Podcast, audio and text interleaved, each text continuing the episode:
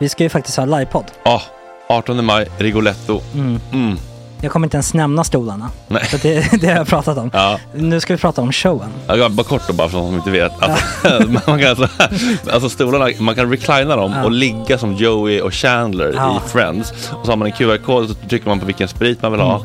Och så drar man in en GT för 160 kronor.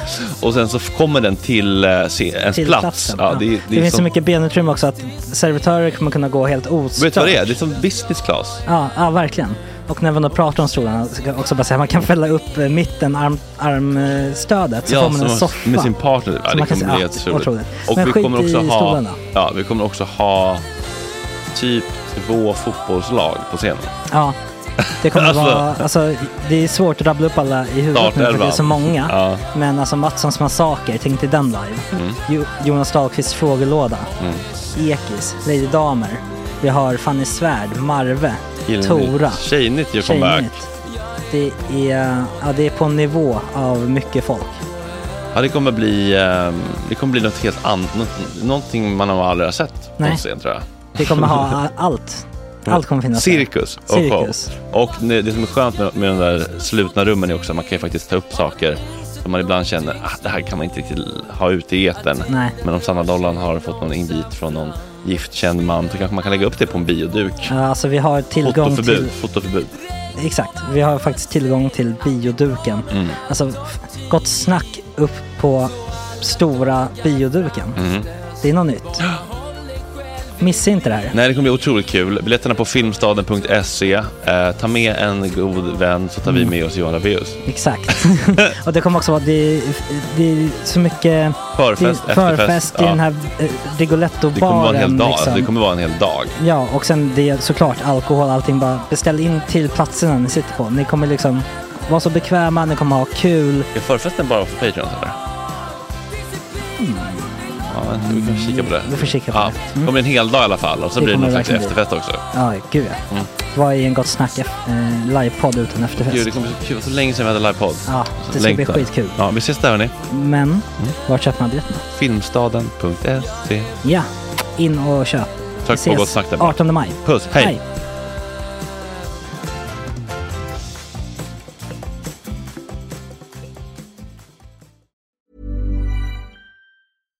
This message comes from BOF sponsor eBay. You'll know real when you get it. It'll say eBay Authenticity Guarantee. And you'll feel it.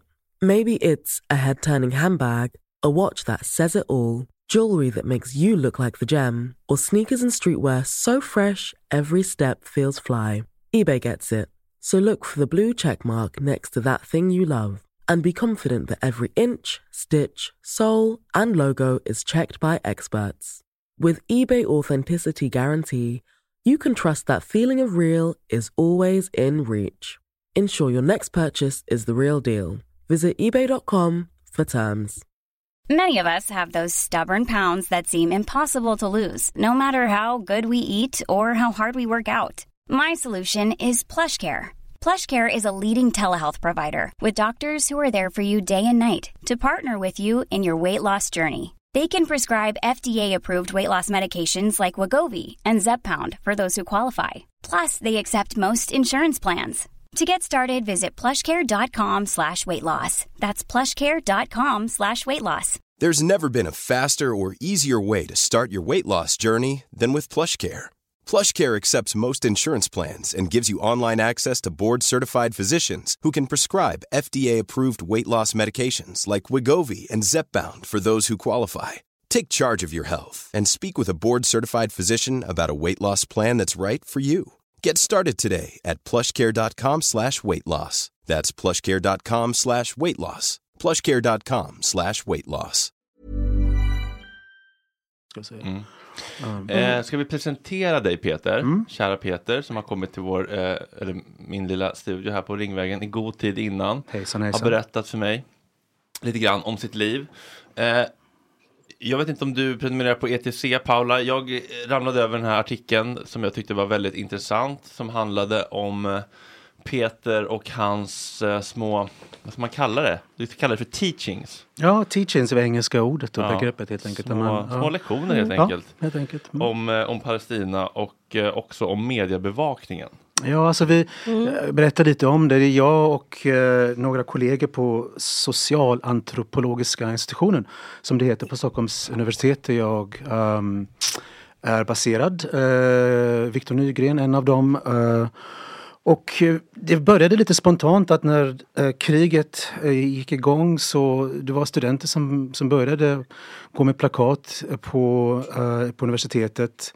Och vi började, jag, både jag och Viktor, alltså forska på Palestina, varit där väldigt mycket under åren och är engagerade. Och vi började föra samtal med dem och kände att vi, vi borde ändå starta igång någonting nu när det, det är så mycket som händer. För det kändes som att folk vill veta, de vill ha information. Och om bakgrunden till konflikten, eh, det så kallade kontextet. Um, ett ord som jag egentligen inte tycker om så mycket när man säger kontext. För att väldigt ofta används det den, den liksom meningen att ja men det är det som ligger, ja det som har hänt. Men det är faktiskt en del av den händelsen ska man säga. Det ett, eh, ja. Så vi började, körde en gång ganska spontant. Vi hämtade några, eller bjöd in några eh, Eh, personer från den här eh, Rättvisa för alla. Uh, Fayad uh, och Nathalie Ström som kom och pratade med studenterna om sitt engagemang. hur också Nathalie har varit mycket med, varit mycket med på media och hon berättade om uh, talade lite om hur det hade varit att intervjuas då och hur hade de klippt det hon hade sagt och sånt. Um, och sen så körde vi en andra och en tredje, en, och så blev det en fjärde, och även en femte då, uh, teaching under de senaste veckorna. Uh, så det har blivit en serie kan man kanske säga. Jag tror att eh, uh, journalisten och Selma på, uh, som jag vill rätt mycket tacka för det här intresset då på ETC kom och var med då på en tredje, en tredje tror jag, um, teaching som vi hade. Um, veckan efter hade vi Andreas Malm som var där, författare till How to blow up a pipeline, Learning how to fight in a world on fire, eh, som är då klimataktivist, författare och även påbörjade sin kan man säga, aktivistkarriär mm, mm, då just kring Palestinafrågan. Så det är vad vi gör. Och eh, vad en av de här teachers, teachers, teachers, en, hur ska du säga teachers i, i, i Teach-ins. Ja. teachings, var, Ja, var någon av dem om media eh, bevakningen av konflikten i Jo, Sverige? jo precis. Så Ja. jag, tog ju upp det här, det var ju den som Sel, Selma var med på. Och då talade vi lite om eh, bland annat då mediebevakningen i Sverige. Um, jag hade just varit på, varit med i, eh, på en, eh, alltså varit en del av eh, publiken då på en um, debatt, det var säsongens sista debatt på Publicistklubben. Som, eh, det var på Södra Teatern här i Stockholm några, det måste varit mer än en månad sedan nu. Eh, och då var då eh, ämnet för debatten var mediebevakning av kriget i svensk media. Och det var en kille, kille från Svenska Dagbladets ledarsida som var där. Kille från uh, Svensk Sveriges TV som är också ansvarig tror jag för Aktuellt. Ehm, eh, professor som studerar och fokuserar på Israel. Också en ehm, eh, doktorand på Lunds universitet, Viktor Pressfeldt, som var där och hade då skri- verkligen bevakat medierna och han kom med mycket kritik. Också många, även oss vi då som studerar Mellanöstern, så tycker vi ju att bevakningen har inte bara varit dålig men just det som eh, vi talade, snackade lite innan här med Fredrik och du använde ordet liksom märkligt. Det här liksom, det är någonting surrealistiskt. Man känner verkligen att det är någonting väldigt konstigt med hur, eh, hur det beskrivs helt enkelt. Och, eh, ja, det, är, det är många av oss som, som faktiskt studerar den här regionen som, som känner att det är otroligt konstigt hur det, hur det karaktäriseras och beskrivs i Sverige.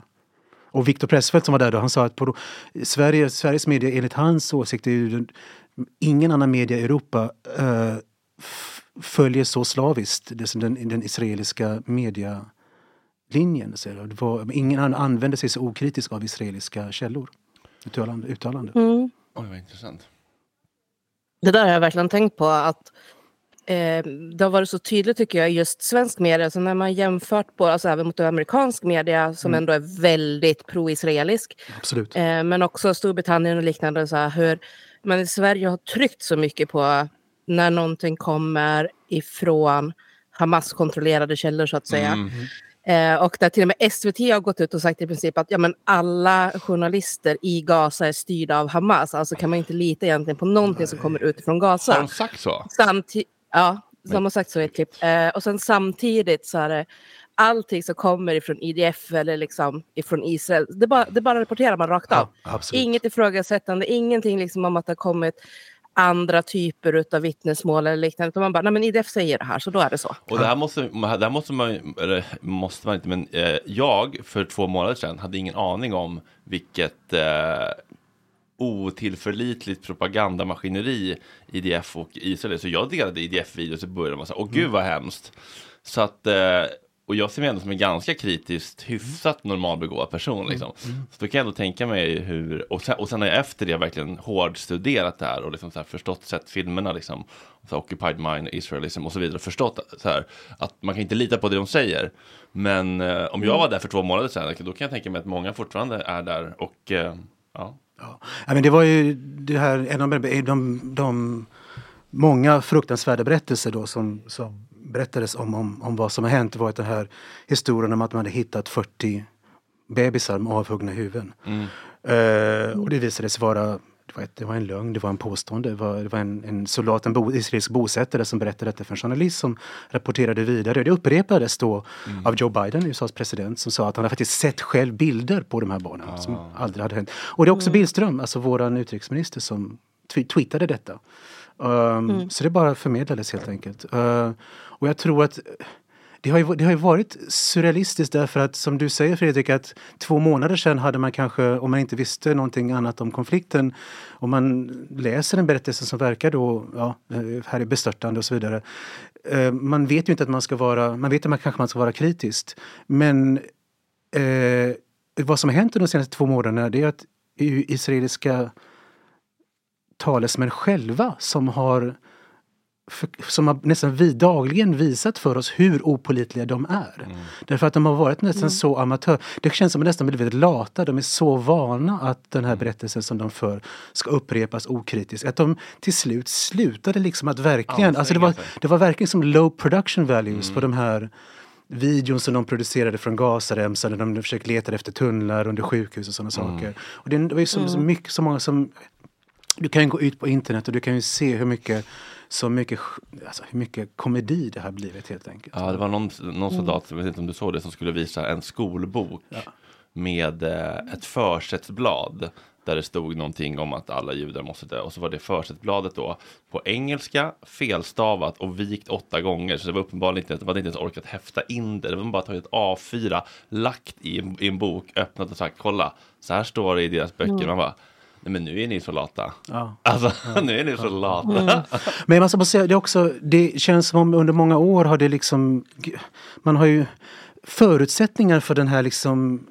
Det handlar inte bara om, en, om, att, om tillit, om, om att man ställer sig kritiskt till källor utan de här berättelserna som vi, vi, vi får höra, vi som de, när vi, vi relaterar till, det, till resten av världen då med hjälp av de identifikationer som är möjliga för oss. Och vi har ju jag, jag har ju, för mig har det varit mycket slående så här att under många, många år, eh, decennier, om man läser de större svenska dagstidningarna, till exempel Dagens Nyheter, alltså all rapportering från den så kallade konflikten, det vill säga ockupation, Israels ockupation av Västbanken, eh, är ju då typ från Dagens Nyheters chefskorrespondent även för Mellanöstern, Nathan Satcher, som de bor i Tel Aviv. Um, um, lever ett israeliskt liv, eh, rapporterar egentligen, om man, om man följer israelisk media så ser man väldigt ofta att den, det som intresserar honom under en viss, viss vecka, det är väldigt ofta det som den militära talesmannen för Israels armé är intresserad av att förmedla under den veckan. Det är mycket skenheligt, man behöver bara liksom följa båda källorna. Och det är så, om man läser de här rubrikerna, jag tittade på det här häromdagen, men jag tänker läsa upp det här. Det här är, för jag gav det också till som exempel till några till mina studenter på Stockholms universitet en gång. Jag hade en sån här um, en liten uh, lärostund då om just mediebevakning av det här. Uh, ska man kunna hitta det här. Men det var liksom om du tittar på rubrikerna från oktober. Jag inte, kom med här. Efter eh, attacken, efter attacken. Ja. Det är alltså, nu kan jag inte ha ordagrant här men följ Nathan Sachi, lägg upp det på Dagens Nyheter. Varje rubrik är Israel säger detta, i Israel upplever vi detta, eh, i Israel är man rädd för detta och så vidare. Typ fem, sex rubriker i rad. Det finns ingen empatisk intresse i palestinier. Nej.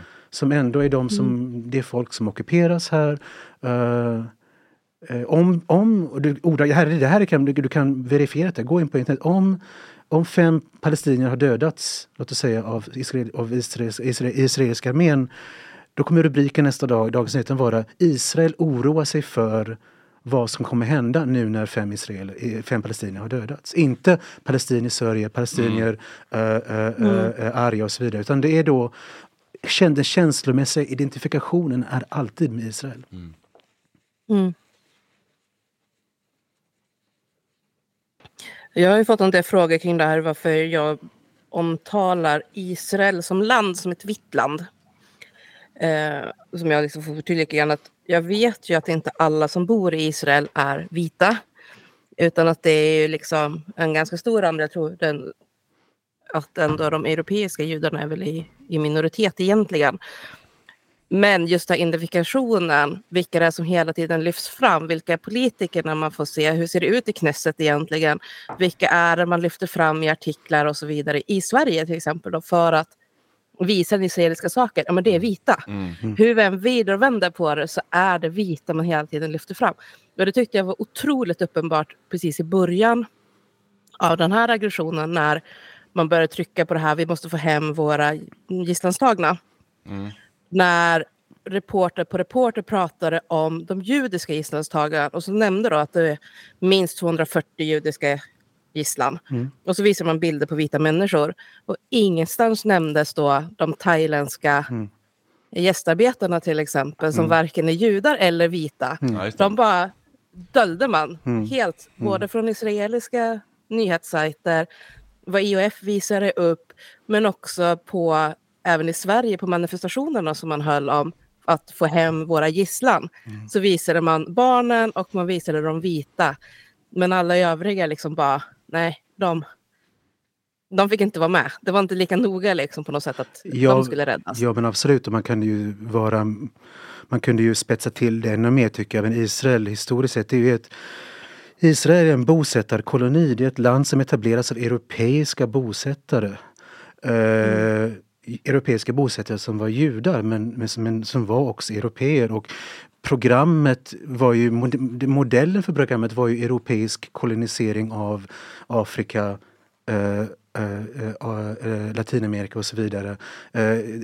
i- Ursprungligen var då frågan om, det, om man skulle sikta på att etablera Israel i nuvarande Uganda eller eller om man skulle då faktiskt försöka återvända, som det heter då, till Palestina. Det finns en, en bar i västra Jerusalem som heter Uganda faktiskt, med referens till det här. En sån här vänster, vänsterbar, för att man vill det här, lyfta fram det här lite. Att eh, jo, vi är nog ändå en, en, ett kolonialt projekt. Och, eh, Eh, Eh, eh, alltså, eh, Theodor Herz, Herzl, då, sionismens intellektuella fader, hans idé om att Israel, var att Israel skulle bli någon slags Österrike, det var ju eh, på, på Medelhavet. Eh, eh, han såg ju en europeisk samhälle som skulle byggas upp då på ett land som var, vars majoritetsbefolkning var araber. Arabiska muslimer, kristna och även arabiska judar. Eh, men det var ju inte ett europeiskt land. Va? Ehm, och det har ju skrivits också mycket bland då is, israeliska då, israeler från arabisk mellanöster bak, bakgrund, och så kallade mizrahim. Eh, om hur att för att kunna bli en israelisk jude måste man bleka sig själv, man måste bli vit. Man måste förkasta sin arabiska identitet. Man måste... Eh, eh, och det, det mycket, mycket som har skrivits. Jag kan rekommendera bland annat eh, Ella Shohat, eh, eh, israelisk eh, akademiker som har skrivit om detta. Men du, jag tycker du har absolut rätt. Det är självidentifierat som vi är västerlandet, vi är, eh, vi är de vita. Eh, allt, Shimon Peres, eh, före detta premiärminister och nobelpristagare har ju bland annat, och ändå inte, så inte en högerextrem Israel har ju uttalat sagt att ja, men Orienten, allt det här Mellanöstern är ju korrumperat. Det är ju förkastat. Ja, så. Kan man hävda att det är aningen rasistiskt? Att det var då? Aningen rasistiskt.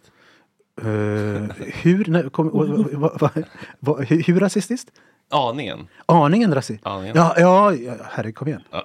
Nej, nej, men det är, det är genomsyrat med rasism. Ja. Det är, och, det det, och den här rasismen har ju fått fullt, vad kan man säga, fullt uttryck nu eh, under kriget. Inte för att det, det fanns brist på, att, inte för att det inte fanns, liksom, man kunde måla en väldigt dyster tavla innan. eh, men och det är tyvärr också den här rasismen som förklarar varför man har, tror man har villig att, att, att, att acceptera den israeliska berättelsen om vad som hänt och vad som, hur man kan förstå det här våldet som, som, som har hänt nu. Därför att det finns en, en, en, en gry, vi är i ett moment, i, inte bara i Sverige men i Europa, där uh, det är, blir allt lättare att vara rasist helt enkelt. Där man nu ska enligt, vad var det socialdemokrater som sa att man ska våga tala om etnicitet innan valet. Mm. Eh, alltså Och framförallt man- muslimer känns det mer och mer okej att bara Ja, pissa ja. på. Ab- Fullständigt. absolut. absolut. Ingen fråga om det. Uh, skulle Sverigedemokraterna ha ett, ett, en partipolitik om det inte fanns muslimer att, att attackera? Jag tror inte det. Nej. Mm. Nej, de fick ju lämna det här med att hata judarna öppet eftersom det inte var riktigt gångbart. Så att säga. För jag tänker där när de precis hade bildats och så, tidigt 90-tal och liknande, då var de ju fortfarande väldigt öppet antisemitiska. Eh, skrev, skrev, jag har suttit och läst lite sådana gamla SD-nytt från tidigt 90-tal och så här, och då var det liksom öppet. Det, det var liksom n-ordet hit när man beskrev svarta och, och judarna då som man pratar öppet om att det var en judisk konspiration på olika sätt och man måste liksom akta sig mot, mot judarna. Mm. Men det jag har märkt i SD framförallt är det liksom kring det här högerextrema att man har liksom morfat det här lite grann. Mm. Att nu är det lite mer att inte inom SD-toppen, men, men längre ner bland gräsrötterna och så, det här att det, den judiska konspirationen är islamiseringen. Ja, just det. Att man, man liksom parar Precis, ihop precis. islamofobi Precis. och ett. Precis, precis. Att man, Och, och då, man blir, ja, då blir George Soros då precis, den här Ja. bland, de här globala eliten som vill- globalisterna ja, som precis. förstör och, och det är liksom något sånt här att, ja, men, att judarna ska typ hämnas på Europa genom att utrota den vita rasen Mm. genom att se till att det blir en massinvandring av muslimska män som Mm. För, ser till att liksom sno alla kvinnor eller våldta dem eller liksom sådär och att det då blir det här folkutbytet som man pratar om. Ja. Som, som ju även eh, hur heter det? Ebba Busch till exempel har ju stått och pratat om folkutbyte nu och liksom nämnt så här. Så att det, och det, det tycker jag är så himla intressant att titta på nu när vår högerregering gör så stor sak av det här att vi står med Israel, Mm. vi, vi protesterar mot antisemitismen och så Mm. vidare. Mm.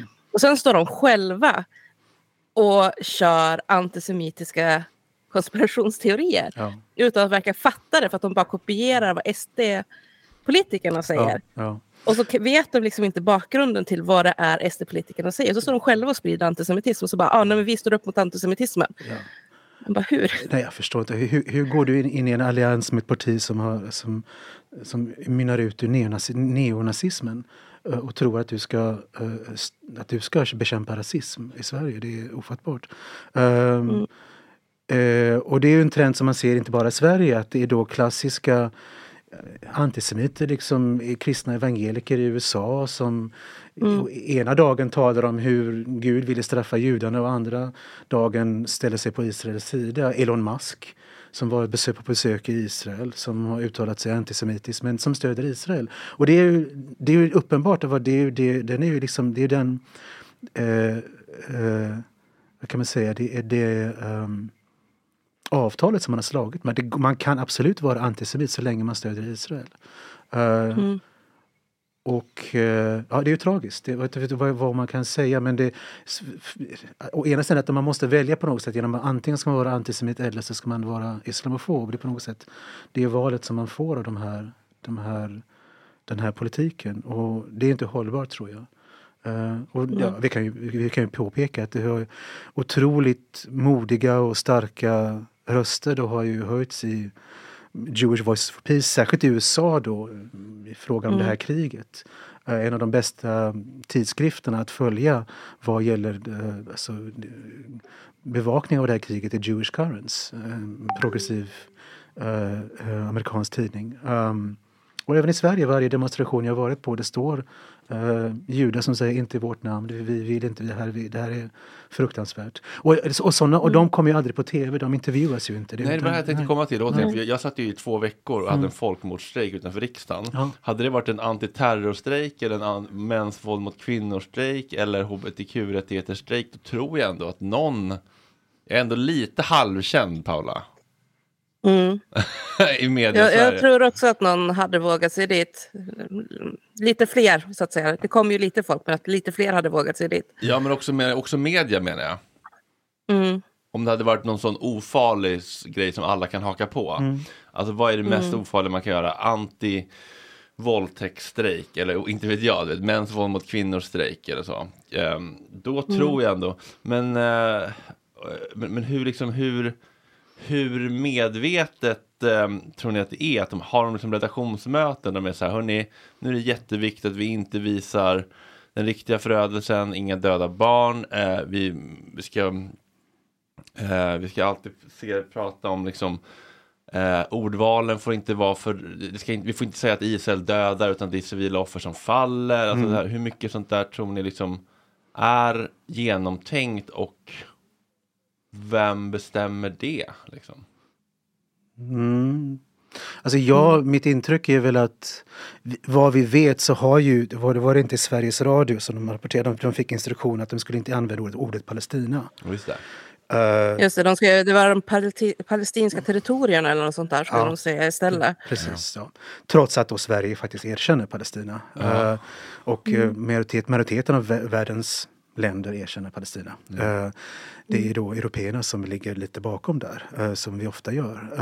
Um, sen, jag har inte insikt i detta, men jag skulle tro, och det är också att man kanske inte behöver formellt koordinera det så mycket. Att tyvärr är det väl så att folk känner liksom av vad man får säga.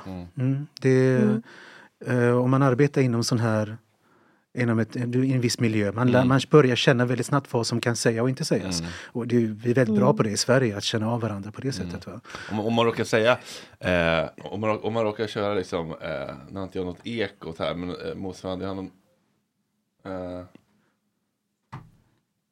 nej, jag har ingen bumper. Ja, precis. Ja, vi har senaste från Gazaremsan. Då är det terrorgruppen Israel som har ökat sitt folkmord med ytterligare 500 civila slaktare denna morgon. Då, då hade man fått påbud Men, ba- men bara det här att man använder, alltså det, det är ju så, det är ju så slående att jag tror väldigt många människor hur, vad nästan vad än deras politik är, kanske med undantag från låt oss säga extremhögern, är förskräckta när man ser bilder, man ser de här siffrorna, barnen, alltså nu, antalet barn som har dödats, som har slaktats. Va?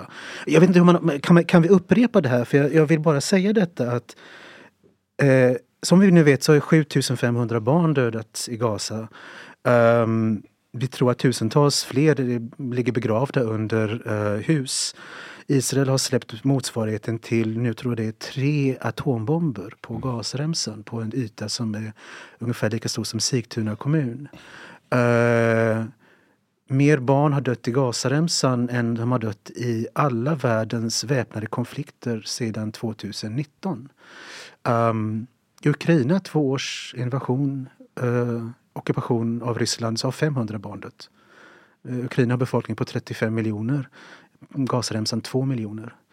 Eh, så det är en slakt. Det är en slakt på barn. Men man an, även om man är förskräckt över detta, och det är väldigt många som är det, så använder man inte ord som mord, slakt, massaker, Folkmord, bestial. Nej, Barbarer. man det- vå, det- vågar inte. Det, det får man bara använda om Hamas. Precis, man får bara an- använda dem om, om palestinier. Ja, avhumaniseringen får bara ske mot palestinier. Det hand, Men det handlar ju inte ens om, ja, alltså, det handlar om ett, en slags det är ju nästan som om det är någon slags naturkatastrof katastrof som händer i Gazaremsan. Som det, Oundvikligt. vem, vem gör det här? Ja, det är Israel, men de vill egentligen Nej, inte göra Alltid det. Hamas ansvar. Alltid Hamas. You did this to yourself. Men man ska, man ska ta det på allvar tycker jag som akademiker. Som, det är inte intresse för mig att ta det på allvar. Alltså Sven Lindqvist har ju skrivit om detta, hur problematiskt just den här idén om uppsåt är. Och hur viktigt det är när vi, om vi förs- förstår våldet i världen kring, runt omkring oss. Hur viktigt just är den här idén om att, att ett, att försöka presentera det som händer som en någon slags olycka. Ja. Visst, visst, mekaniskt sett är det Israel som dödar, slaktar barn, men på något sätt f- f- får förstå vi att, att de egentligen inte vill att det är inte, de, de har inte agens när de gör Det är detta. bara en oundviklig konsekvens Ja, som ty, typ- tyvärr typ- vi typ- måste acceptera. Typ sånt, ja. Och det, det, det viktiga med det, och det, det fortfarande verkar vara en debatt i svensk media och det tycker jag är viktigt, väldigt viktigt att, att säga detta. Att det, är, det är viktigt att, att, göra, att helt fastställa att vad som pågår är ett folkmord. Det, det är allt som krävs för att etablera att ett folkmord är på gång. Finns nu. Vi har uppsåt, vi har otal. Men det är väl det, är väl, det, är väl det, det är väl det de, de, alltid, de alltid ska slå en på fingrarna på. Så här, det, nej, det är inte uppsåt, för de säger att det inte är uppsåt. Och då ska man lita på det. Vem säger att de inte är uppsåt? Nej, men alltså, jag menar, om, man, om man kollar på liksom eh, om man kollar på alltså, folk som försöker försvara Ja. folkmordet så säger de så här. eh, It's not intentional. Because EDF says so, eller they says so. Och sen så finns det ju liksom massa andra uttalanden från högt uppsatta människor som uppenbarligen bara säger mow the lawn, eh, bury them with the liksom. Kan jag läsa lite? Ja, kör. Israeliska underrättelseministeriet 13 oktober producerade de ett dokument eh, som läcktes till israeliska median. Eh, dokumentet rekommenderar utförligt att Gazaremsan ska tömmas av pa- Palestiniens befolkning, att den ska etniskt rensats. Detta finns svart på vitt. Eh, dokumentet de har inte förnekat att, de har skrivit detta. Det vill säga, du har ett, ett, ett ministerium som har publicerat. Och I vilket annat land som helst borde detta vara jätteskandal. V- vad gör ni? Alltså, vad menar ni? De har, tänk om att Palestina hade produ- producerat ett sådant dokument. Mm. Eh, vi har ju då eh, olika uttalanden från israelisk premiär, premiärminister, president, parlamentledamöter, eh, led, eh, generaler. Ehm, Eh, Israel ska få Gaza att se ut som Auschwitz. Eh, David Azoulay, chef för israeliska bosättarna på Metula Council. Eh, just nu är målet Nakba, ett Nakba som kommer att överskugga Nakba 1948. Ariel Kallner, Likud, eh, parlamentsledamot för eh, Likudpartiet, som det står i spetsen för regeringsalliansen i Israel. Nakban är då arabiska ordet för katastrof och det beskriver då eh, Eh, den etniska rensningen av Palestina 1948 som faktiskt fortsatte då ett antal år efter detta. Eh, israeliska premiärminister Benjamin Netanyahu har eh, under senaste veckan då haft han möte där han talat att världen diskuterar redan möjligheter till frivillig invand eh, invandring, utvandring då från Gazaremsan. Eh, och han vill sätta till ett team som ska eh, arbeta för att möjliggöra detta. Se till att det som vill lämna Gaza till ett tredje land kan göra detta. Och det är också därför som man bombar sönder hela Gaza där det nu 60 procent av alla hus har förstörts. Ingenting till. Mm, Precis. Och då är det frivillig utvandring som det heter. Jätte- ni, ni är välkomna tillbaka till den här grushögen. Man bara, ja, Ja. Alltså, Nej, nej, nej. Eh, Ingen vatten, ingen el, ingen mat. Eh, vad är syftet med detta? Vad har, för det, det, det är så solklart. Och det, det är därför som det är viktigt att... Det var en artikel häromdagen i Dagens Nyheter, äh, Aftonbladet, ursäkta, så kommer jag inte ihåg vem författaren var. Han, han, men han, han just ifrågasatte det här, är det verkligen folkmord eller inte? Och enligt honom så var betydelsen att om det är folkmord så finns det också en, en, en, en rättslig eh, ansvar att ingripa eh, enligt internationell lag. Och det stämmer ju. Men det är också viktigt att förstå att det är ett folkmord därför att då förstår man vad som händer och varför det händer. Man försvår, förstår varför det är absurt att påstå att Israel måste få tid på sig att, att, att utrota Hamas. Som de själva i många år har erkänt, nej, det kan vi inte, det finns inte möjlighet att det är en politisk rörelse som är djupt inbäddad. Och så nu, säger de nu, vi planerar på att nu ska vi bygga nya murar kring Gazaremsan, det här kriget ska, ska pågå under många år. Det vill säga, nu är det inte längre målet att, verkar det vara, att man ska eh, utrota Hamas. Utan nu är målet, ja vi vet vad målet är. Vi ska göra det omöjligt att bo i Gazaremsan helt enkelt. Mera blockad, um, ingen medicin, ingen mat, ingen återbyggnad av hus. Var ska, var ska Palestina ta vägen? Hur ska vi förstå den här eh, den här mediavinklingen Paula? Vi, vi som ändå är liksom Sverige som har erkänt Palestina som är liksom sprungna ur Olof Palmes medmänsklighet och liksom hela den biten. Varför är vår media så jävla fucked up kring det här? Eh, Jag tror ju personligen att det är flera saker som spelar in kring det. Det ena är ju någon form av så kollektivt dåligt samvete för andra världskriget. Mm. När man vet, alltså det är liksom i nyare historiebeskrivning, att ja, men, svenskarna var ju med och kom på idén med judiska stjärnan i passen för att det inte skulle kunna komma judar till Sverige. Mm. Hitler tittade på Sveriges rasbiologi som grund liksom i, i sina teorier sen kring, kring att eh, utmåla juden liksom som den, den stora faran för det tyska samhället och också det här att man under ganska lång tid vägrade liksom att hjälpa ens judar från grannländerna, alltså från Norge eller Danmark och sådär. Och sen försöker vi måla om det till att vi var sådana hjältar för att vi började skicka vita bussarna. Mm. Um, men att det, det, finns en sån här liksom kollektiv skuld i det där. Och sen att Israel som stat, deras propagandamaskineri har ju varit extremt duktiga på det här med att eh, få fram den här bilden någonstans att kritiserar man vad Israel gör så är man antisemit. Mm. För att de hävdar ju hela tiden att deras våld mot palestinierna är inte annorlunda än hur andra länder har bedrivit våld mot sina grannar eller liknande då för att skydda sig själva. Och att om man då kritiserar Israel för att de gör vad alla andra har gjort så kritiserar man dem enbart för att de är judar. Och alltså hatar man judar. Ja. Vilket gör att många har ju en extrem beröringsskräck i det här att Mm. kritisera någonting Israel gör. För att man är så rädd för vad, vad går den här gränsen mellan att kritisera en stat och att börja Men där tycker jag faktiskt vara att mot judar liksom. man har lite eget ansvar att faktiskt byta ut sylten som en ryggrad består av till, till något av ben. Äh, Att man, att man faktiskt får sätta sig ner och förstå. Alltså prata med sig själv och sina vänner bara så här. Visst måste man få kritisera staten utan att hata judar? Ja, jag håller med. Kan vi, om jag lägger ut det på Insta, kommer du likea det? Ja. Eller du kommer inte hugga med? Alltså där. Jag tycker det, det är intressant som du sa Paula, där, eh, du är utifrån är mer insatt i just den här kanske känslan för vad, hur vi, ja, det, vår, vår skuld, för den här skuld, diskursen kring vad, vad, ja, det dåliga samvetet som så, det är ju också någonting som, som utvecklas historiskt sett. Men det du just sa det här med att Israel eh, vill kunna göra mot sina grannar det som andra länder gör sina grannar. Men vi gör inte någonting värre. Men det är just där som problemet är. Hela den här idén på något sätt att Gazaremsan är Israels granne. Gazaremsan, att Gazaremsan ligger bredvid Israel. Gazaremsan är ockuperad av Israel. Israel sitter på Gazaremsan. Israel är en kolonialprojekt. Människorna som bor i Gazaremsan utvisades, drevs från sina, sina si- si- 400, nästan 500 byar och städer i vad som idag är Israel. De kan se på andra sidan stängslet sin pappas, mammas hus eh, eh, där de växte upp, där bodde morfar. Eh, det är deras land som har tagits från dem. Och eh, de ockuperas fortfarande, de koloniseras fortfarande, så bosättningar byggs fortfarande på Västbanken. Och att presentera detta som om det var en konflikt mellan Sverige och Finland är ju absurt. Det, det, det var det som tycker var, för mig var så slående att man presenterar, att man den här diskursen att Israel har rätt att försvara sig. Mm. Det är, det är sånt, ett, ett sånt absurt påstående.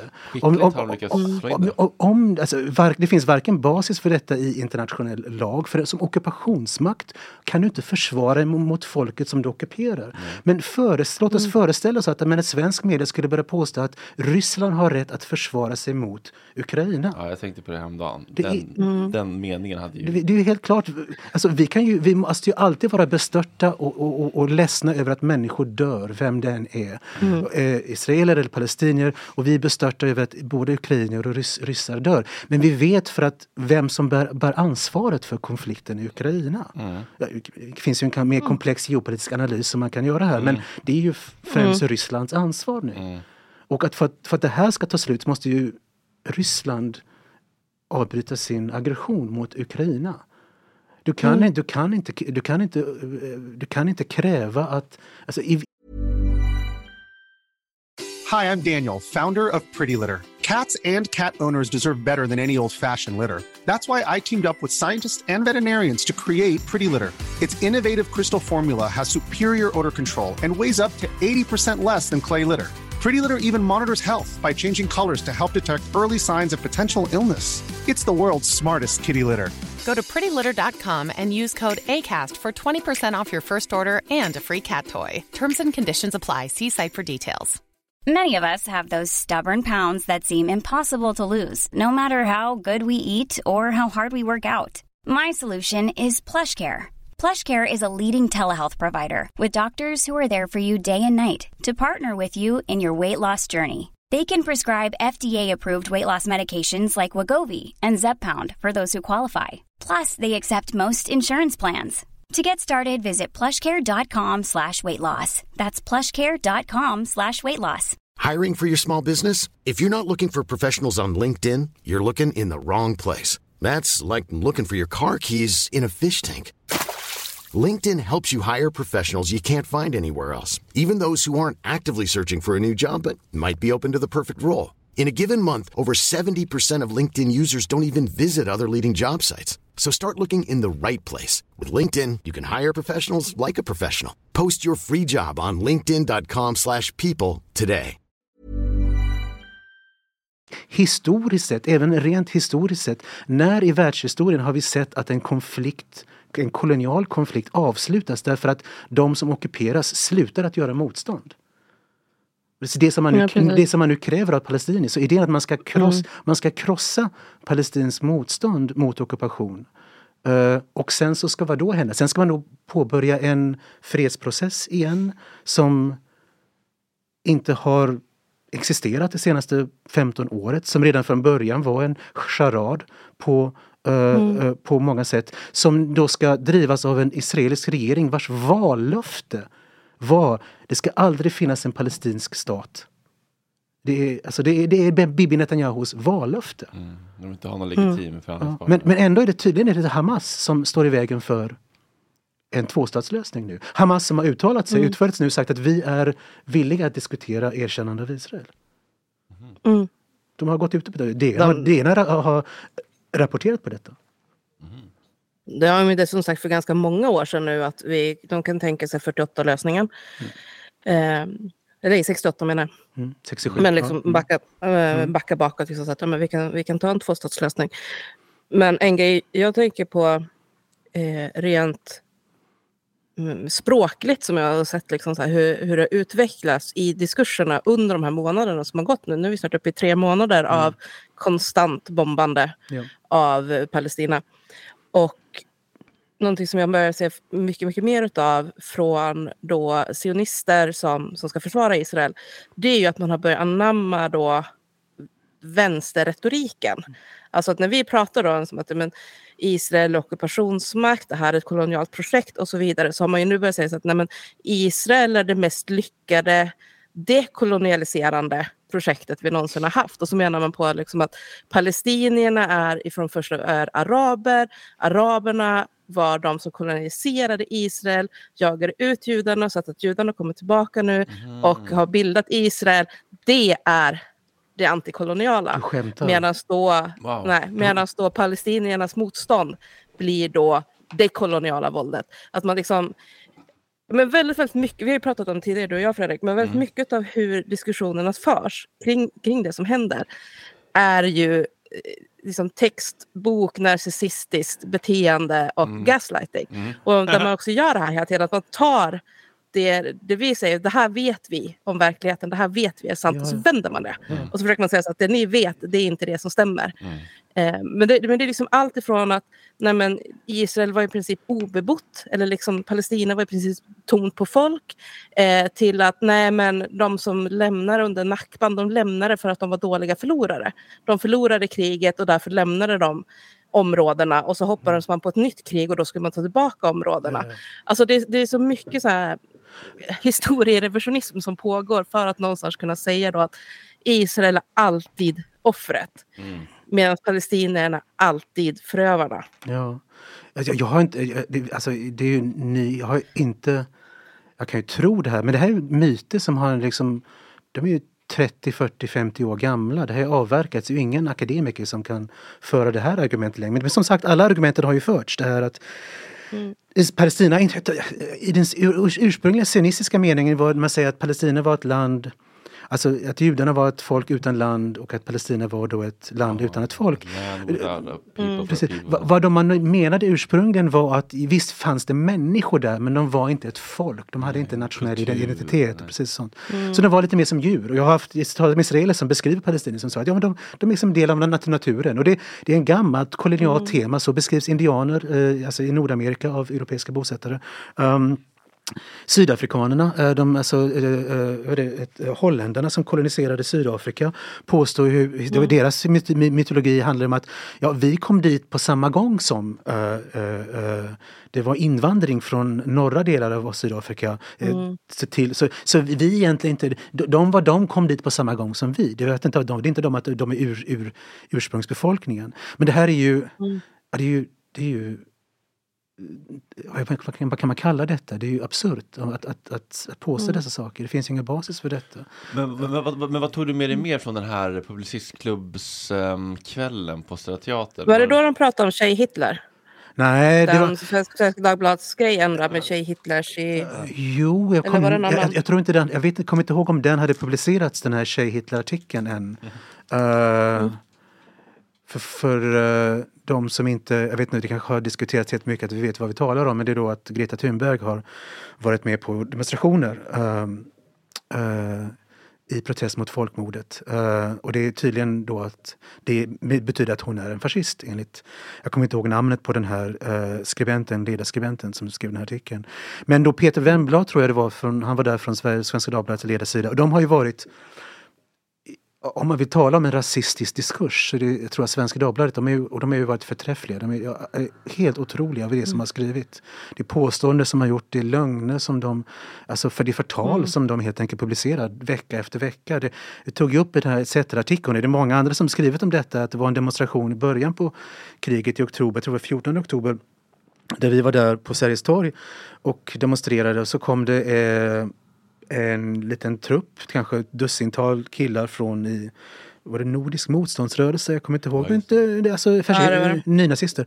Och eh, viftade med sina flaggor och vi vände oss hela, eh, vad heter det, hela demonstrationen och buade bort dem och stick härifrån. Vi vill inte ha fascister och nazister- nazister på våra gator. Och så skrivs det sen en ledarartikel i Svenska Dagbladet där det, de säger att jihadister och nazister gör gemensam sak.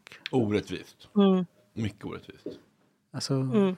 det, Det där har ju jag sett repeteras i sociala medier sen, alltså än idag Ja, håller man på med absolut. liksom att, att eh, Palestinarörelsen och nazisterna det är samma sak. Och, eh, alla som går ut och demonstrerar för Palestinas sak det är Hamas-anhängare och Absolut. nazister.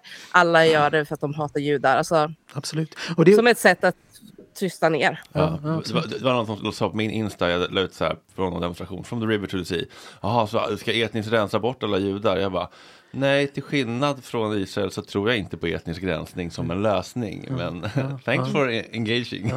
Men det är också det som jag ville säga, det, det, det, på, det, var, det var någon, någon, någon som intervjuades israeler, jag hörde det upprepas av några eh, gånger just efter 7 oktober, att de, det var någon som sa att det känns som det här är science fiction. Och vad de menade om den, att, att hela deras verklighet hade vänts upp och ner. Och för mig påminner det, det, det eh, påminner, påminner mig väldigt mycket om vad Sven Lindqvist eh, skrev i, jag tror det var boken om historien om bombning.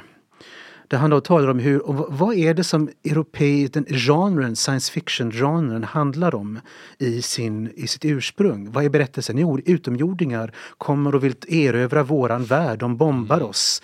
Eh, så vad, vad menar Lindqvist? Att de, science fiction handlar om en västerländsk europeisk farhåga, en mardröm om att andra människor gör mot oss vad vi, mot vad det vi gör Ja, mot dem. Att, att, att det vi gör mot afrikaner och, och, och eh, asiater ska, de nu, ska någon nu göra åt oss. Så det, hela den här israeliska diskursen, allt de talar om, handlar ju om en, den här slags att vända upp och ner på den här fantasin. Det är de som har etniskt rensat Palestina. Det är de som helt, nu, helt konsekvent säger att det ska aldrig finnas en palestinsk stat.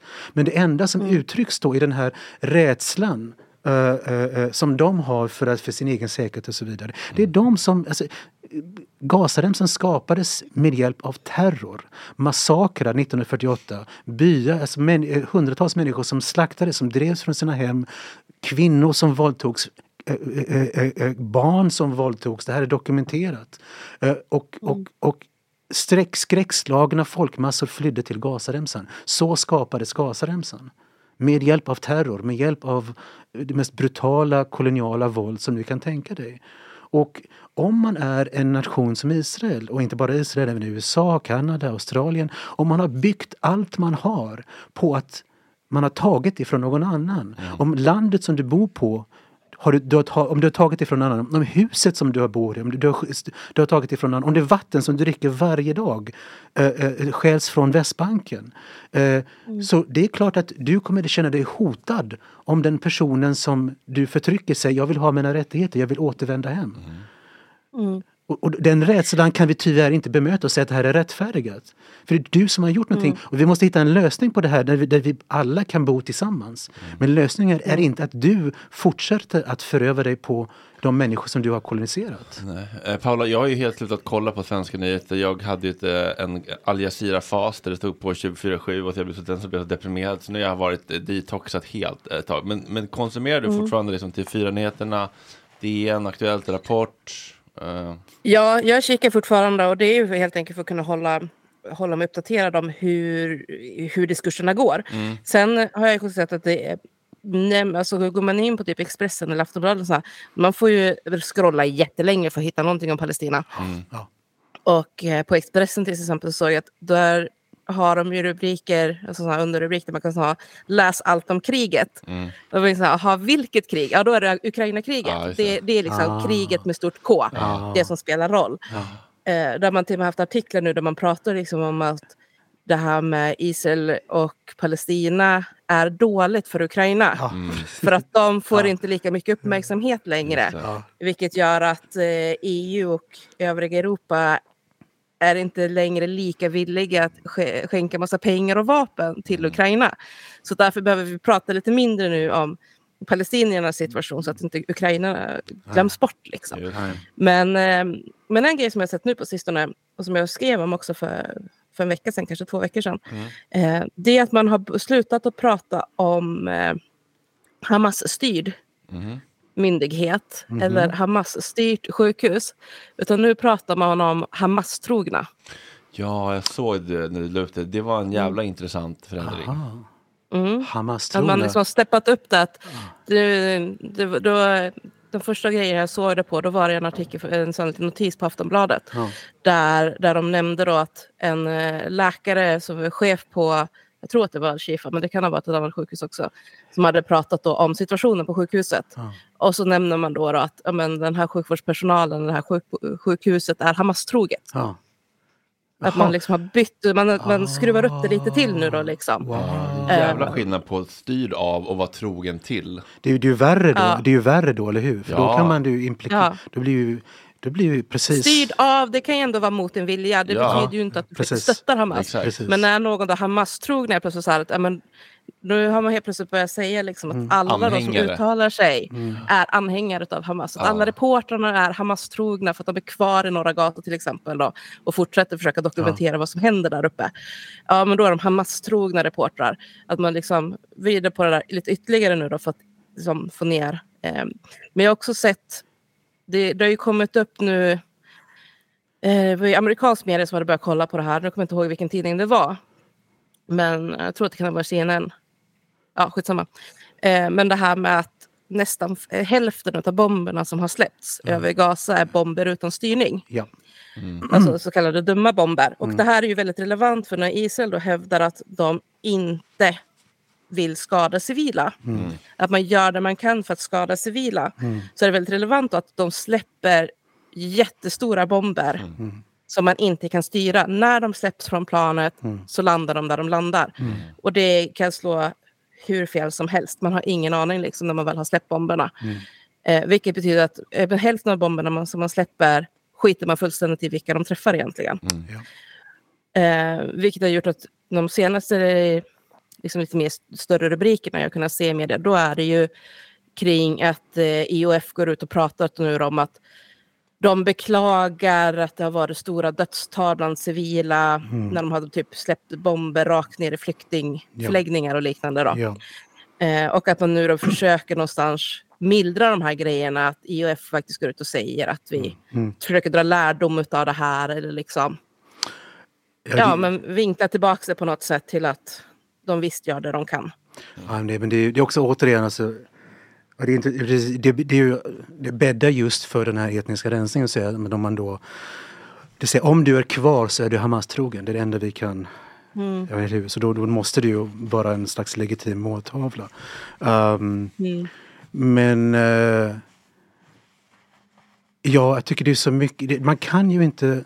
Det, det är, ju så, det är ju så klart vad de vill åstadkomma. De säger det själva och upprepar det åter och återigen. Det är bara att inte läsa svenska medier utan gå direkt till Haaretz, gå till israeliska tidningar. De uttalar sig öppet. Vi vill driva människor ut. Och då- Som de då beskriver det som frivillig och så vidare. Är då, eh, i- i- ehm, eh, eh, utvandring. Um, det är endast så man kan förstå varför man stängt av vattnet i Gazaremsan. Två miljoner människor utan vatten. De, det är bara för att det regnar där nu som, som de fortfarande är vid liv. Eh, utan mat, utan medicin. De amputerar barn utan bedövning i sjukhus. Och, och att, man låter, att, man, att man har, att man, att man från Israels sida gör detta och sen säger att man bryr sig om civila. Det är inte trovärdigt. Då, det, med, det, med det vill jag inte säga att man vill döda civila bara därför att man vill döda. Nej, vad man vill, vad man vill åstadkomma är etnisk rensning, är flykt. Men då måste man skapa en situation där man inte längre kan bo kvar i Gazaremsan. Där man måste vara rädd för sitt liv. Och för att den rädslan ska vara verklig så måste man döda människor. Väldigt många människor. Mm. Ja, vi, Men även det här att de eh, fyllde tunnlarna med saltvatten var ju också en del av att det inte ska kunna gå att återuppbygga eh, Gaza egentligen. För att saltvattnet kommer att göra att de odlingar som ändå har funnits i Gaza, eh, de blir ju dödade. Alltså, det kommer inte gå att återuppta de odlingarna. För att saltvattnet förstör marken. Alltså för de som inte vet det så finns det ju ingen vattenkälla i Gazaremsan som möter då Världshälsoorganisationens standard för eh, drickbart vatten. Utan det är också därför som Israel har förmågan att stänga av vattnet. För det, det är det vatten som man kan dricka eh, kontrolleras av Israel helt enkelt. De har, de har bara stängt av kranen. Um, men du har rätt, det kommer bli och nu å andra sidan vill jag också påpeka som andra gjort att Israels eh, finansminister Bezalel Smotrich var just i nyheterna häromdagen och sa att man börjar, måste börja tala om att återuppbygga bosättningarna i Gazaremsan. Nu när den etniska ja, vi, rensningen vi har är på gång. redan sett de här eh, beach houses annonserna på den där jävla eh, mäklarfirman, mm. Insta Paula. Men, men vilka medier följer du eh, utomlands? Eller vilka liksom eh, vilka nyhetskällor har du Paula som inte är svenska?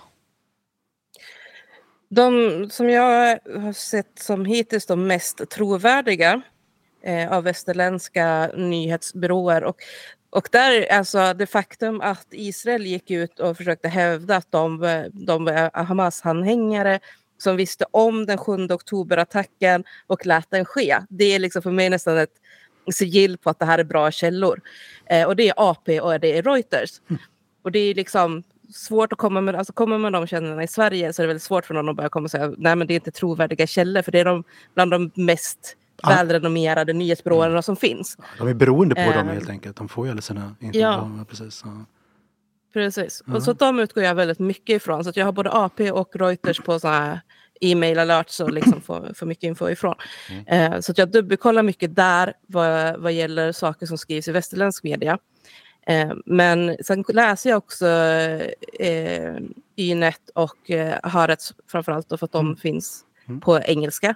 Men kan ibland dubbelkolla även mot deras hebreiska versioner och så kör Google Translate för att få lite halvkass engelsk översättning. Ehm, och det, jag kan ju känna att ibland att det är lite så intressant också när folk försöker komma och säga att ah, du går bara på Hamas propaganda eller du liksom fattar ingenting, det här är bara liksom antisemitism, bla bla bla. Och så kan jag säga bara, ja men okej. Så att du menar liksom att en av världens mest välrenommerade och kända nyhetsbyråer som Reuters är Hamas-propagandister. Hamas Eller då trogna. liksom att Ja. Hamas-trogna, ja precis. Eller liksom, okej, så du menar att Israels egna nyhetskällor är Hamas-trogna? Alltså det, På- tal med den här trogenhet, tycker är också int- intressant den här, eh, hur den här stämplingspolitiken på något sätt funkar det här. Att det, det finns vissa nyckelord som man, det verkar som man vill försöka använda dem så att de, de förklarar allt därför att de inte förklarar någonting.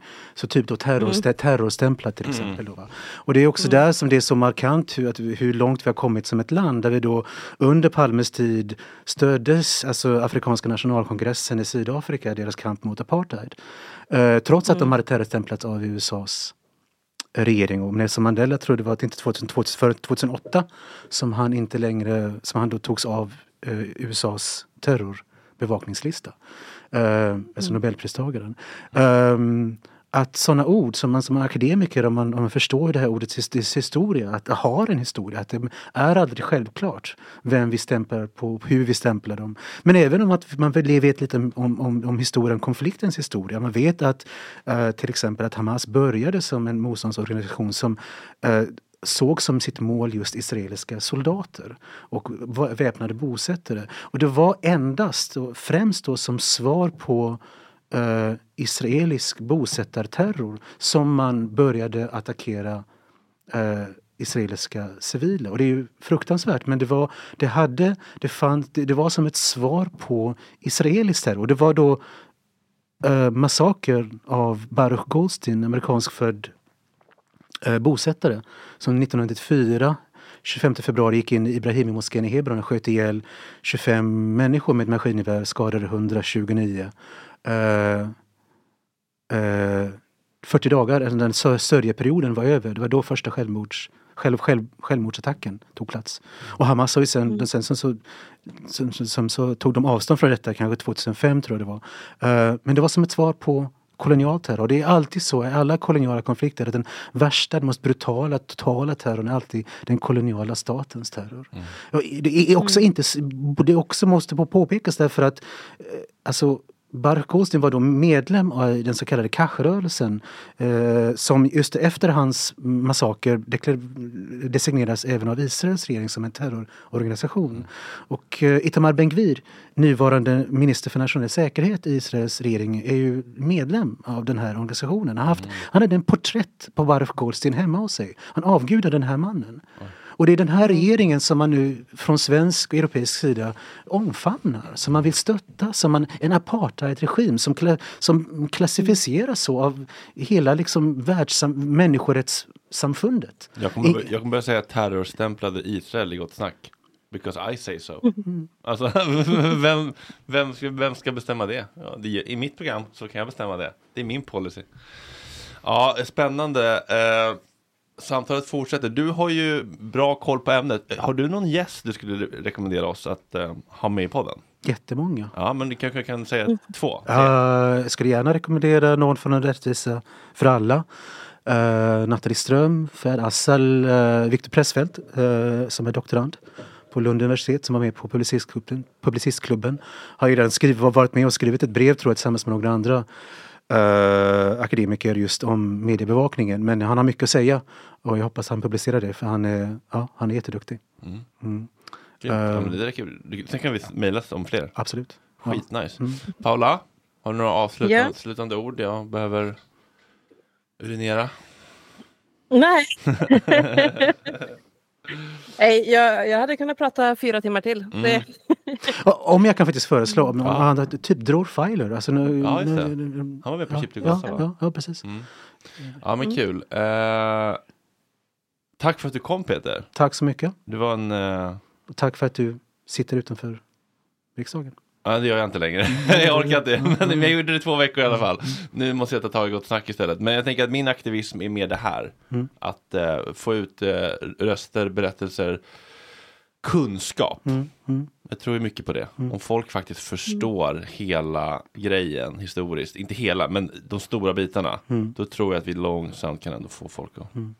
Jag kan jag just kom på någonting. Får jag säga detta eh, om jag har lov? Jag, jag har varit i kontakt med eh, en, eh, en grupp då vi försöker gå på demonstrationen. Vi har en, en familj i Gaza, eh, uh, Tahar Klai heter de. Uh, det var ju det rapporteras som att deras dotter, de är svensk medborgare, uh, Khadija, åtta år gammal, dödades i en bombning i Gazaremsan uh, några veckor sedan. Och de försöker att komma hem helt enkelt. Eh, de har bett UD om hjälp och UD har gett dem ett nummer till internationella Röda Korset som inte fungerar.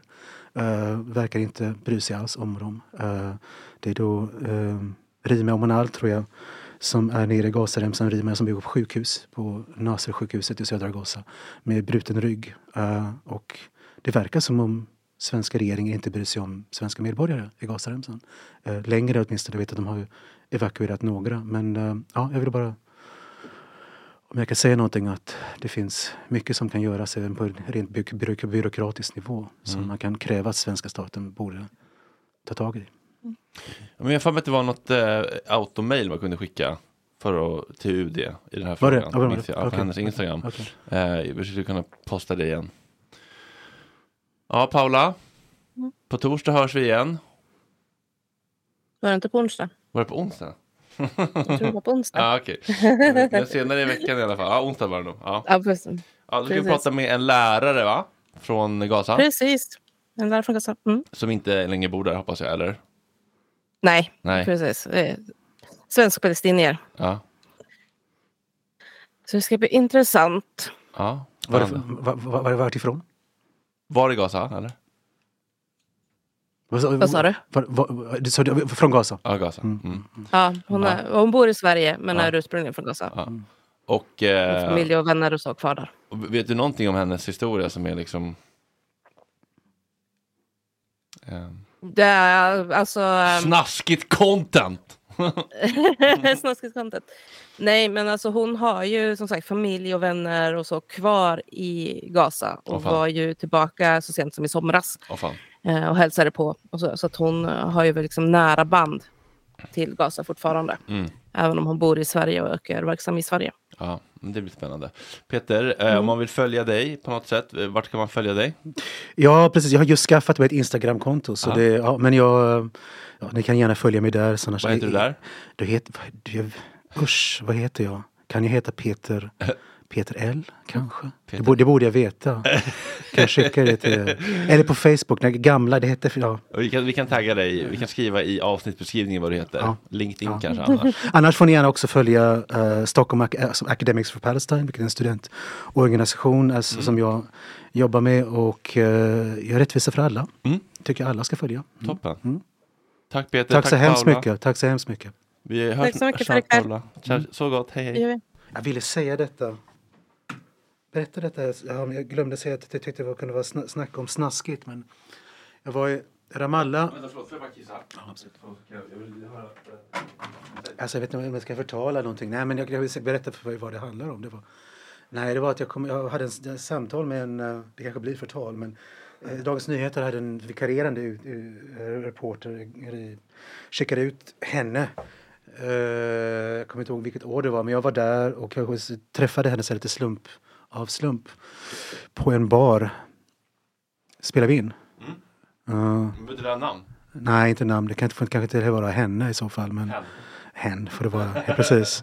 Eh, nej, men hon, hon sa ju, vi talade, jag var ju, jag var ju så frustrerad över då när jag läste Dagens Nyheter. Ja. Och eh, då Nathan Satcher som, jag tror det var början på första intifadan och hade en, det var ju, kom, vet inte om du kommer ihåg den här historien, eh, det var en, en palestinsk pojke som eh, sköts ihjäl i sin pappas famn framför kamera. Uh, Mohammed Durra. Eh, Så det var liksom ett, like, blivit uppmär- väldigt uppmärksammat. Det blev ett tema då för den första början på intifadan. Mm. hjärtskärande. Eh, och jag tycker jag kommer ihåg att, att, att Dagens Nyheter var den enda tidningen som inte var intresserad av den här historien. Och vad man istället ledde med var eh, någon slags eh, berättelse om hur intifadan egentligen handlade om ett palestinskt uppror mot den korrumperade palestinska myndigheten. Och jag tyckte det var så slående därför att det var just detta som eh, en Haaretz korrespondent som heter Zev Schiff um, hade då just skrivit. Och han är känd inom Harets redaktion som kallar för den kallade Shabaks spokesperson, det vill säga han är nära säkerhetskällor och han förmedlar deras position. Och det var just detta som Dagens Nyheter och Nathan Satcher skrev om den veckan. Och då tog jag upp det här med den här vikarierande journalisten för Dagens Nyheter. Hon, jag sa att han, han har ju ingen relation till den palestinska verkligheten. Han, och hon sa, nej men det, vi vet ju alla att han, han är ju aldrig i Västbanken. Han är ju rädd uh, att komma hit. Mm. Och, alltså, ja. Det, tycker det var, det var så... så, så helt för, ja, det, man kan ju inte förstå Dagens Nyheters position om man inte förstår detta. Nej. Deras totala avsaknad av... De, de är ju inte vulgära i sin liksom, eh, liberala på något sätt men eh, det är mycket som man kan åstadkomma genom att helt enkelt vägra att förstå en annan människas perspektiv. Ja, genom att aldrig åka dit, prata med folk, var, alltså, Ja, ta in alltså, deras verklighet. ja, ja. Han, han, ja, I det abstrakta så kanske han vet men Mm. en, en, känslo, en, en, en känslomässig verkligheten har han ingen koll på alls. Så Mm. Det var en annan artikel som han skrev, det var eh, kontrovers under en viss tid att Jerusalems kommun då byggde Västjerusalem, israeliska då, um, Jerusalems eh, kommun byggde ett, ett spårvagnsnät i Jerusalem som då kopplade stadskärnan med olika eh, eh, förorter och även bosättningar i, på ockuperade områden. Och eh, det var mycket protester mot det här, den här spårvägsbanan bland då palestinier och så vidare. Försökte sätta press på, jag tror det fanns bolag som byggde dem. Och då skrev Nathan, och sen så under andra början på eh, jag tror det var andra intifadan, lite senare så det kanske var andra, så mm, började man kasta stenar på de här spårvagnarna. Och då tyckte Nathan Thatcher, han skrev att det var så synd att man attackerade någonting som ändå knöt i samman människor i Jerusalem. Som han, han inte förstår vad det handlar om, knyta samman. Det här är ju som ett, en del av den infrastruktur som möjliggör den här parallella verkligheten som israeler, bo, israeliska bosättare och palestinier lever i ändå. Det, är en, det här är ett kolonial verktyg. Slapp journalistik. Ja, Alltså, lågmattenmärkt. ja, slapp på något sätt och av någon som är helt tydligt är kapabel av att tänka och Ja, skriva ja. och inte så att det är, Nej, det är bara eh, inkompetens. nej jag tror att det är ideologi. Ja. Det är inte så att han skulle vilja göra bättre utan den en ideologiskt eh, Han har valt att, att göra så. Ja, eller han kanske inte ens kan, jag tror inte medvetet, men han liksom, nej, han tror verkligen detta. Han tror verkligen att det här knyter samman Mm. palestinier och israeler. Ja, det är det där som är så intressant. Alltså att det är saker är så djupt Alltså så djupt programmerade att folk liksom är inte ens medvetna om hur liksom hjärntvättade vi är. Alltså det, ja, spännande. Tack, för Tack att du delade med dig. Jo, just det. Vill ni stötta arbetet med denna podd så får ni jättegärna bli Patreons på patreon.com snedstreck palestina under lupp. Många bäckar små och så vidare. Tack så jättemycket. Selling a little or a lot? Shopify helps you do your thing however you cha-ching. Shopify is the global commerce platform that helps you sell at every stage of your business. From the launch your online shop stage to the first real life store stage, all the way to the did we just hit a million orders stage. Shopify is there to help you grow. Shopify helps you turn browsers into buyers with the internet's best converting checkout. 36% better on average compared to other leading commerce platforms because businesses that grow grow with Shopify. Get a $1 per month trial period at shopify.com/work. shopify.com/work. Planning for your next trip? Elevate your travel style with Quince. Quince has all the jet setting essentials you'll want for your next getaway, like European linen, premium luggage options, buttery soft Italian leather bags, and so much more. And is all priced at 50 to 80% less than similar brands. Plus, Quince only works with factories that use safe and ethical manufacturing practices. Pack your bags with high-quality essentials you'll be wearing for vacations to come with Quince. Go to quince.com/pack for free shipping and 365-day returns. This message comes from BOF sponsor eBay. You'll know real when you get it. It'll say eBay Authenticity Guarantee. And you'll feel it. Maybe it's a head turning handbag, a watch that says it all, jewelry that makes you look like the gem, or sneakers and streetwear so fresh every step feels fly. eBay gets it. So look for the blue check mark next to that thing you love and be confident that every inch, stitch, sole, and logo is checked by experts. With eBay Authenticity Guarantee, you can trust that feeling of real is always in reach. Ensure your next purchase is the real deal. Visit eBay.com for terms.